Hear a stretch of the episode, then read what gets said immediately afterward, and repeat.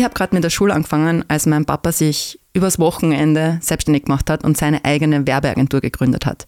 Dieses neue Unternehmen ist wie ein Familienmitglied bei uns zu Hause eingezogen und hat sich breit gemacht und am Tisch Platz genommen und auch sonst sehr viel Platz eingenommen. War sehr bestimmend und sehr prägend. Ich selbst habe zuerst mein Glück in der Ferne gesucht und einige Dinge ausprobiert, bevor mich mein Weg zurück in die Agentur gebracht hat, wo ich schließlich an meinen Platz eingenommen habe. Zuerst als die Tochter vom Chef, dann als Teil der Geschäftsführung, als die Juniorchefin und schließlich als die Nachfolgerin. Mein Name ist Susanne Hattinger, ich bin Mama von zwei großartigen Kindern, Chefin einer Werbeagentur, Präsidentin eines internationalen Agenturnetzwerks, Coach und Mentorin für Frauen aus Familienunternehmen und das hier ist mein Podcast. Wenn alles gut ist, dann hat es der Papa super aufgebaut. Und wenn was nicht hinhaut, dann habe ich einen Fehler gemacht. So hat sich's für mich zumindest sehr, sehr lange angefühlt. Der Papa war ein wirklich toller Unternehmer. Der hat dieses, diese Werbeagentur aus dem Nichts aufgebaut. Und wie ich 2014 die alleinige Geschäftsführung übernommen habe, waren wir schon 15 Mitarbeiter, zwischendurch sogar mehr. Großartige Kunden, guter Ruf, internationale Verbindungen. Der Papa hat sich ein großes Netzwerk aufgebaut und auch überall mitgemischt.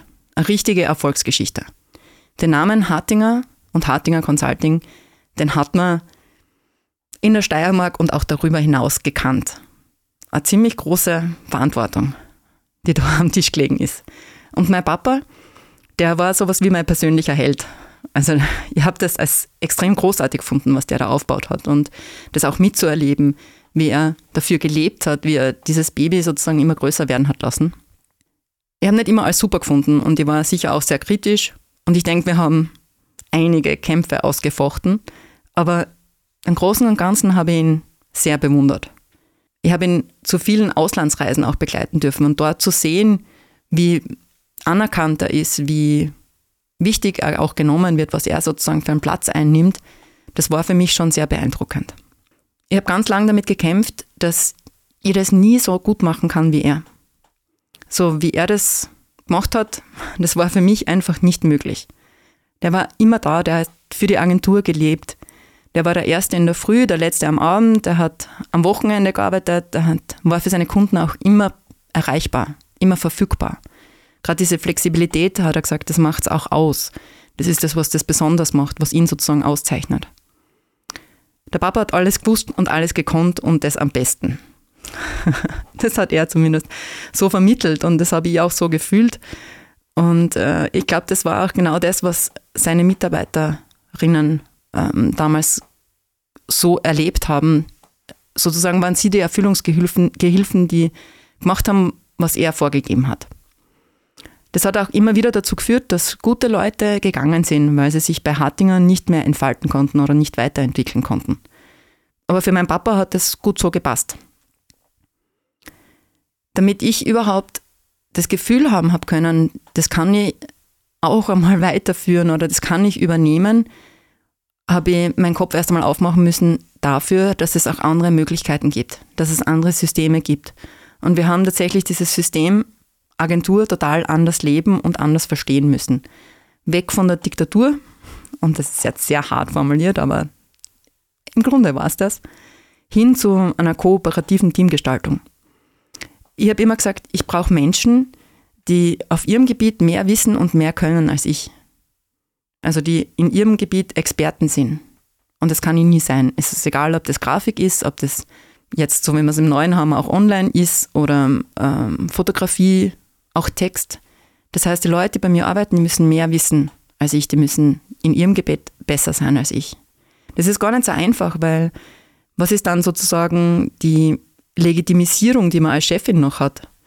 Ich habe gelernt und bin auch so aufgewachsen, dass mein Papa der Chef ist, weil er alles kann und alles weiß.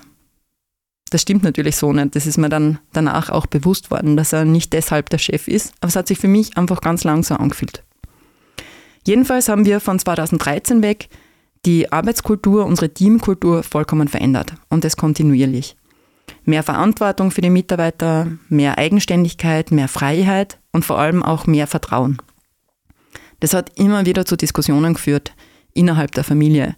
so wie man Team führt, wie man Mitarbeiterinnen führt. Und für meinen Papa war es eigentlich immer zu wenig Führung. Ja? Du führst die Menschen zu wenig, du gibst zu wenig vor. 2017 haben wir angefangen mit Homeoffice. Das ist noch schlimmer gewesen. Also das hat er wirklich ganz, ganz schwierig gefunden, weil wie soll das gehen? Wie soll jemand von zu Hause aus arbeiten? Wie weiß er dann, was er zu tun hat? Und wie weißt du, ob der wirklich arbeitet? Also ob der dann auch was tut oder sie. Wir haben das eh nur sehr vereinzelt gemacht, aber immerhin, es hat dort so langsam begonnen.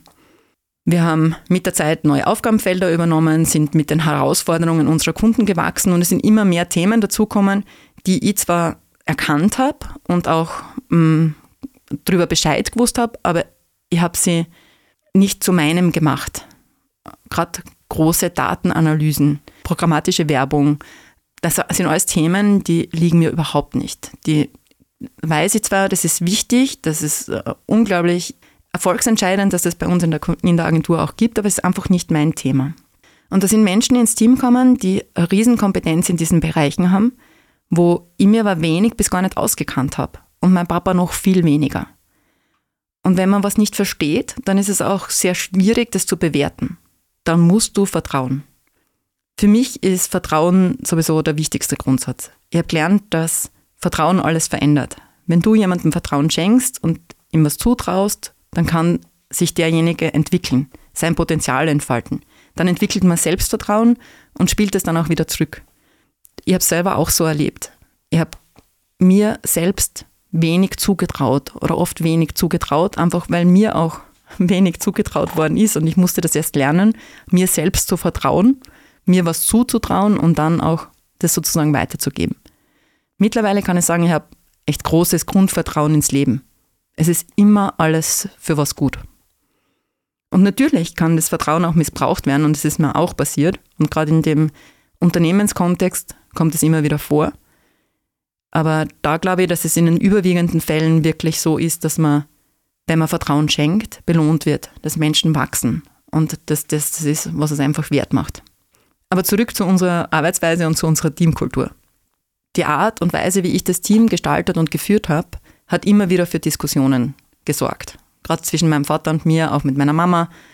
Da ist zu viel Freiraum, ich gebe zu viele Freiheiten, ich schaue zu viel aufs Team, ich schaue zu wenig aufs Unternehmen. Also ganz viel Diskussionen in diesem Bereich, gerade Freiraum und Verantwortung, Vertrauen. Und dann kam Corona. Plötzlich war alles anders. Wir haben eigentlich übers Wochenende ohne Vorbereitung ins Homeoffice gewechselt. Und das hat auch funktioniert. Wir haben das wirklich durchgedrückt. Wir sind mehr als einen Monat lang im ersten Lockdown alle zu Hause gesessen und haben von zu Hause aus gearbeitet. Und es hat funktioniert. Da haben wir ein paar technische Herausforderungen gehabt, ähm, die wir lösen haben müssen. Aber von der Arbeitsweise her, von dem, wie Leute mit Projekten umgehen, von der Effizienz her hat es großartig funktioniert. Da hat mein Vater dann auch das erste Mal eingestanden, dass das schon sehr besonders ist dass das bei ihm nicht gegangen wäre. Wir haben ja noch dazu ein lebendes Beispiel noch in der Agentur gehabt. Einer der ersten Mitarbeiter, die mein Vater in der Grafik gehabt hat, ähm, war zu der Zeit noch bei uns, hat noch bei uns gearbeitet und der war tatsächlich der Einzige, der immer noch ins Büro kommen musste, beziehungsweise halt dann auch weniger gearbeitet hat, weil er nicht eigenständig von zu Hause aus arbeiten konnte und auch nicht bereit war, dass er dieses Arbeitsmaterial in seinen privaten Raum mit nach Hause nimmt. Also ganz das Gegenteilige von dem, was wir jetzt oft erleben, dass Menschen nicht mehr bereit sind, irgendwo in ein Unternehmen zu gehen, sondern lieber von zu Hause aus arbeiten, war bei ihm genau umgekehrt. Also er hat sich eigentlich verweigert, die Arbeit mit nach Hause zu nehmen. Für mich war Corona in dieser Hinsicht ein Geschenk. Das ist jetzt, klingt jetzt ein bisschen schwierig zu nehmen, aber ich habe es tatsächlich so empfunden diese Wertschätzung, die ich damals plötzlich verspürt habe, gerade von meinen Eltern, dass sie gesehen haben, dass diese neue Arbeitskultur, die wir etabliert haben, die neue Art und Weise, wie wir mit Mitarbeitern umgehen, dass die so hilfreich ist und dass die jetzt eigentlich das Weiterführen der, der Projekte ermöglicht, das hat mir unglaublich gut getan. Und es hat noch einen Nebeneffekt gehabt, nämlich in Bezug auf die Unternehmensübernahme. Mein Vater hat nämlich von einem Tag auf den anderen keine Einsicht mehr gehabt in die tägliche Arbeit. Der ist bis dorthin einfach jeden Tag ins Büro spaziert so ein bisschen rundherum gegangen, hat sie aufgeregt, weil niemand da ist oder wieder alle von zu Hause aus arbeiten, hat aber auch immer noch mitgekriegt, welche Projekte am Laufen sind und hat da einfach ähm, sozusagen immer wieder die Verbindung aufgebaut. Und mit Corona, mit dem, dass wir ins Homeoffice gegangen sind und eigentlich alles nur mehr aus der Distanz gemacht haben, hat er plötzlich keinen Zugang mehr gehabt zu den Projekten. Er hat Abstand nehmen müssen. Es war nicht mehr nur operativ, dass er nicht tätig war, sondern er hat auch tatsächlich losgelassen und uns losgelassen. Wir sind gut durch Corona gekommen und ich muss sagen, da gilt ein ganz besonderer Dank auch meiner Schwester, die in der Zeit im Unternehmen war und für mich eine unglaubliche Stütze war. Also wir haben das gemeinsam in Angriff genommen und auch sehr, sehr gut gemeistert. Jemanden zu haben, dem das Unternehmen auch mehr bedeutet, als dass es nur ein Job ist. Also dass dieses Familienmitglied, das sozusagen das Unternehmen ist, das hat sie genauso gespürt wie ich. Und sie hat den gleichen Background gehabt, um zu verstehen, was da alles im Hintergrund abläuft. Und das hat mir unglaublich viel gegeben. Nach Corona ist es dann aber eigentlich mehr oder weniger wieder gleich weitergegangen. Wir haben entschieden, dass wir dieses offene Homeoffice weiterführen wollen und auch beibehalten. Wir haben gelernt, dass es funktioniert, dass wir genauso effizient sind, wenn wir von zu Hause aus arbeiten, dass das Einzige, was sozusagen der Makel war in dieser Zeit, der ist, dass man die Verbindung verliert. Dieses kreative, sich gegenseitig entwickeln fällt weg. Dann auch, dass man einfach voneinander lernt oder schneller mal sich auf ein Projekt auf eine neue Stufe bringt, indem einfach der eine dazu was sagt und der andere dazu was sagt und man gemeinsam weiterentwickelt. Diese Gespräche klassisch an der Kaffeemaschine, wo man über Projekt oder über Idee redet und dann kommt ein neuer Input dazu und man entwickelt den weiter. Das natürlich geht nicht, wenn man zu Hause nur in seinem eigenen Sud kocht. Und was noch gefehlt hat, war dieser direkte Zugang, zu sehen, wie es den Menschen wirklich geht. Ich habe fast mit jedem, jeden Tag persönlich gesprochen und trotzdem vielfach nicht gemerkt, wenn es jemandem nicht gut gegangen ist, weil man halt sich dann in diesen zehn Minuten oder fünf Minuten einfach zusammenreißt und ja, vielleicht gerade nicht jetzt gerade persönliche Probleme anspricht.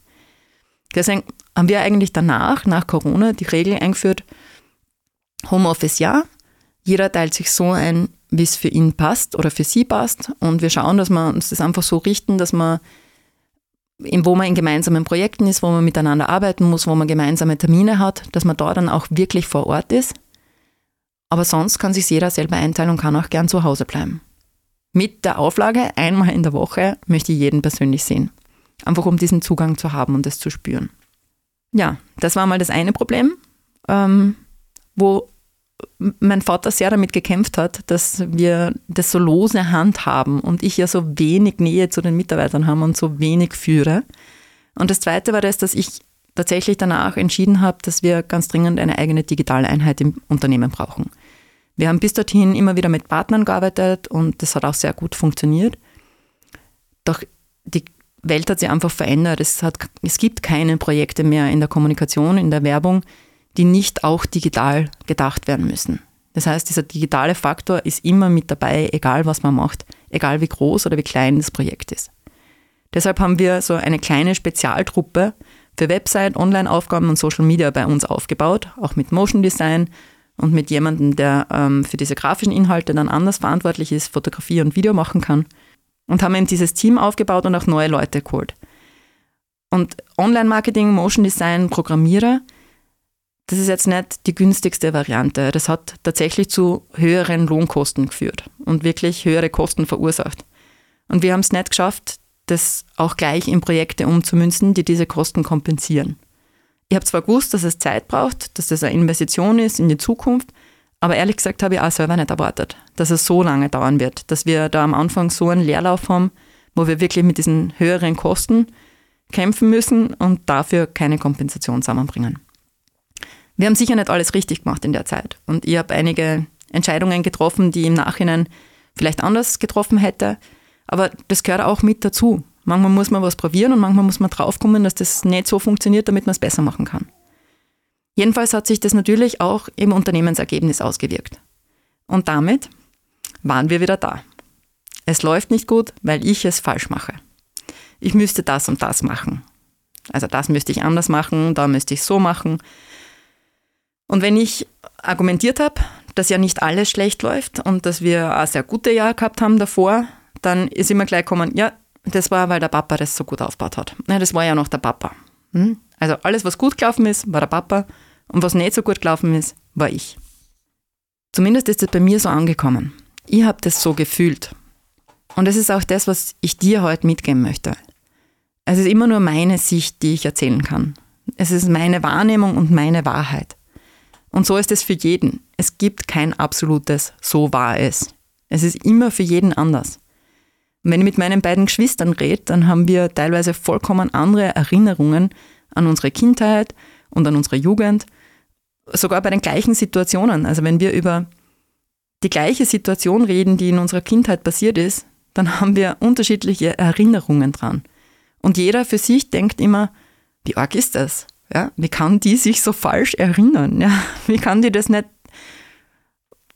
so gespürt haben, wie ich das gespürt habe, so in Erinnerung haben, wie ich das in Erinnerung habe? Man glaubt immer, das war ja ganz anders. Wieso warst du das nicht mehr? Und es stimmt auch, weil für mich war es ja anders. Ich habe es anders wahrgenommen. Nur der andere und die andere eben auch. Also es ist auch immer richtig, aber halt nur für uns selbst. Das heißt, das Erste, was ich eigentlich lernen habe dürfen und was, glaube ich, eine ganz wichtige Einsicht ist, ist, es gibt keine allgemeine Wahrheit. Es gibt immer nur die Wahrheit für dich und die Wahrheit für dein Gegenüber. Und das anzuerkennen und zu sagen, okay, ähm, wir müssen da auch nicht immer drüber streiten oder nicht drüber dis diskutieren. Jeder hat seine andere Sicht und jeder hat äh, eine andere Erinnerung. Jeder hat eine andere Wahrheit. Das ist, kann sehr, sehr befreiend sein und sehr hilfreich sein. Ich war vor kurzem in einem Podcast zu Gast und habe davon erzählt, dass ich eben wirklich sehr damit gekämpft habe, dass immer alles Gute der Verdienst von Papa war und wenn was nicht geklappt hat, dann war es meine Schuld. Und da hat mich die Claudia, der Host, gefragt, hm, wie hast du das eigentlich ausgehalten? Ja, wie bist du da damit umgegangen? Wie hast du das so lange durchdrücken können? Und ich habe dort ganz spontan geantwortet und habe mir aber nachher Gedanken drüber gemacht und möchte jetzt mit dir auch ein bisschen sortierter teilen. Der Gedanke Nummer eins ist wirklich immer. Wir sind so schnell mit immer und nie. Ich habe dort gesagt, immer wenn was gut gelaufen ist, war es der Papa und wenn was nicht funktioniert hat, war es ich. Nie hat wer gesehen, was ich eigentlich gemacht habe und wie erfolgreich ich schon war. Und beides ist falsch. Es war natürlich nicht immer so und es war nicht so, dass ich nie Lob oder Wertschätzung erfahren hätte. Im Gegenteil, ich habe gerade vorher selber davon erzählt. Die Wahrnehmung ist einfach nur so. Und wir sind oft sehr schnell in dem, dass wir sagen, immer oder nie. In Beziehungen sowieso, im Umgang mit anderen. Du machst immer oder du machst nie. Du sagst immer, du bist immer. Also diese Frage zu stellen, ist es wirklich so? Ist es wirklich immer oder ist es wirklich nie? Das ähm, kann einen Unterschied machen. Gedanke Nummer zwei, wer denkt das? Wenn ich sage, immer wenn es gut war, war es der Papa und immer wenn es schlecht war, war es ich, ist das wirklich das, was ich von außen gehört habe oder ist das das, was in meinem Kopf passiert ist? Was davon ist mein Anteil? Ich habe ganz sicher viel davon selber in mir produziert. Diese Unsicherheit, eben dem nicht gerecht zu werden, nicht gut genug zu sein. Das Große, das ich mir selber aufgebaut habe, wie den Papa so auf Stockel gestellt habe, und ich so, ihn sozusagen zu meinem Helden gemacht habe, zu sehen, okay, das ist so was Großes, was er da aufgebaut hat. So toll, so erfolgreich. Und ich, wie soll ich das machen? Ja, also ich habe mir selbst da diese Gedankenwindung eingepflanzt und ganz, ganz viel von diesem, was ich im Außen wahrgenommen habe, das, des Vorwurfs und des, der Anschuldigung sozusagen, ist gar nicht im Außen passiert, sondern in mir drinnen. Also nachzudenken und zu sagen, okay, was denke ich eigentlich selber? Und was davon projiziere ich auf jemanden anderen, weil es bei mir selber einfach noch nicht sortiert ist oder noch nicht behandelt worden ist. Also wer denkt das? Was ist dein Anteil? Gedanke Nummer drei, hol dir Feedback von anderen. Eigentlich mehr ein Tipp als ein Gedanke, aber hol dir Feedback von anderen. Mir hat es extrem geholfen, mit Menschen aus meinem Team auch drüber zu reden und zu sagen, okay, wie seht ihr das? Wo, wo stehen wir da jetzt gerade? Äh, was haltet ihr davon, was ich mache? Ähm, wie könnte man das anders machen? Also ganz, ganz viel in Austausch gegangen bin und zwar deswegen mit meinem Team, weil die mit involviert waren. Also in dem Fall jetzt war es wirklich hilfreich, dass man da einen gemeinsamen Weg geht und dass man da auch sich immer wieder abholt und sich auch bestätigen lässt und auch hört, okay, wie sich das für die anderen anfühlt, für die ich es ja eigentlich gemacht habe. Ich habe in dem Podcast gesagt, und ich glaube, das ist eigentlich das, was mich am meisten angetrieben hat. In der ganzen Zeit, warum ich so gut durchhalten habe können und durchdrücken habe können, war das, dass ich mir mein, meine Agentur, mein Unternehmen wirklich so gestaltet habe, wie es für mich gepasst hat. Das Coolste an der ganzen Geschichte ist das Team. Wir haben das beste Team der Welt. Und dieser Zusammenhalt, diese Energie, die da ist, die ist so großartig. Und auch wenn es manchmal schwierig ist und wenn es immer wieder Themen gibt, aber das zu spüren und auch zu sehen, das hat mir durch die Zeit immer wieder Antrieb gegeben. Und da wäre gewusst, okay, das ist mein Team und für die lohnt es sich da immer wieder auch anzutreten und auch einzustecken. Also Feedback von anderen. Und natürlich nicht nur vom Team, nicht nur vom direkten Umfeld, sondern auch da wieder Menschen, die unbeteiligt sind und die einfach mal nur zuhören und nachfragen, können unglaublich viel an den Tag bringen. Und Gedanke Nummer vier, fokussiere dich auf das, was gut läuft. Feier dich. Ich mache das mittlerweile ganz bewusst. Wir feiern uns viel zu wenig. Und mit feiern meine ich nicht, dass man unbedingt jedes Mal ähm, fortgehen muss und ähm, da anstoßen und ähm, was trinken muss, um zu feiern. Also so feiern, was wir oft im Kopf haben, sondern feier dich dafür, was du schaffst und was du gemacht hast. Nimm es bewusst wahr. Schaff dir eine Erinnerung dran an diesen Moment. Also ganz aktiv, ganz achtsam hinzuschauen und zu sagen, hey, wie cool, das haben wir geschafft. Das ist jetzt erreicht, das ist gut gegangen, das ist gut gelaufen.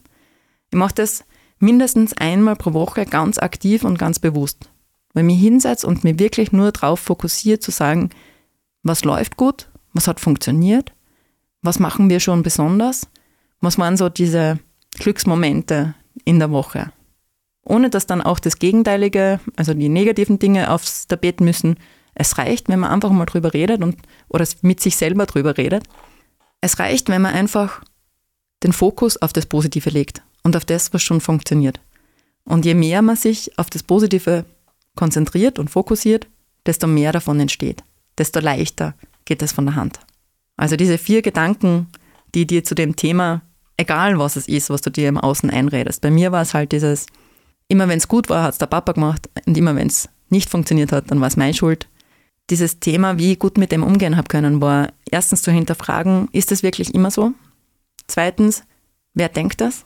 Bin das eigentlich ich oder ist das wirklich das, was die anderen sagen? Drittens der Austausch mit anderen, da mich auch darüber zu unterhalten. Und viertens mich auf das fokussieren, was, ich, was gut läuft, was ich gut kann, was mir Energie gibt und das auch tatsächlich zu feiern.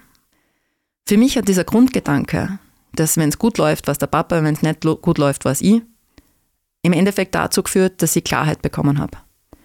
Ich wollte das nicht mehr haben. Es war so ein Punkt, wo ich gesagt habe, das kann es nicht mehr sein, das will ich nicht mehr. Und was will ich stattdessen?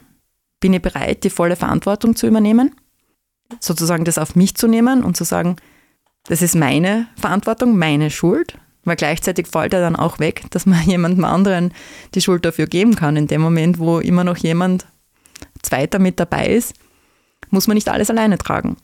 Also bin ich bereit, die volle Verantwortung zu übernehmen.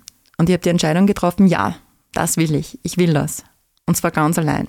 Und damit habe ich auch die Kraft und die Konsequenz gehabt, sozusagen auf diese alleinige Übernahme hinzuarbeiten und das auch durchzuziehen.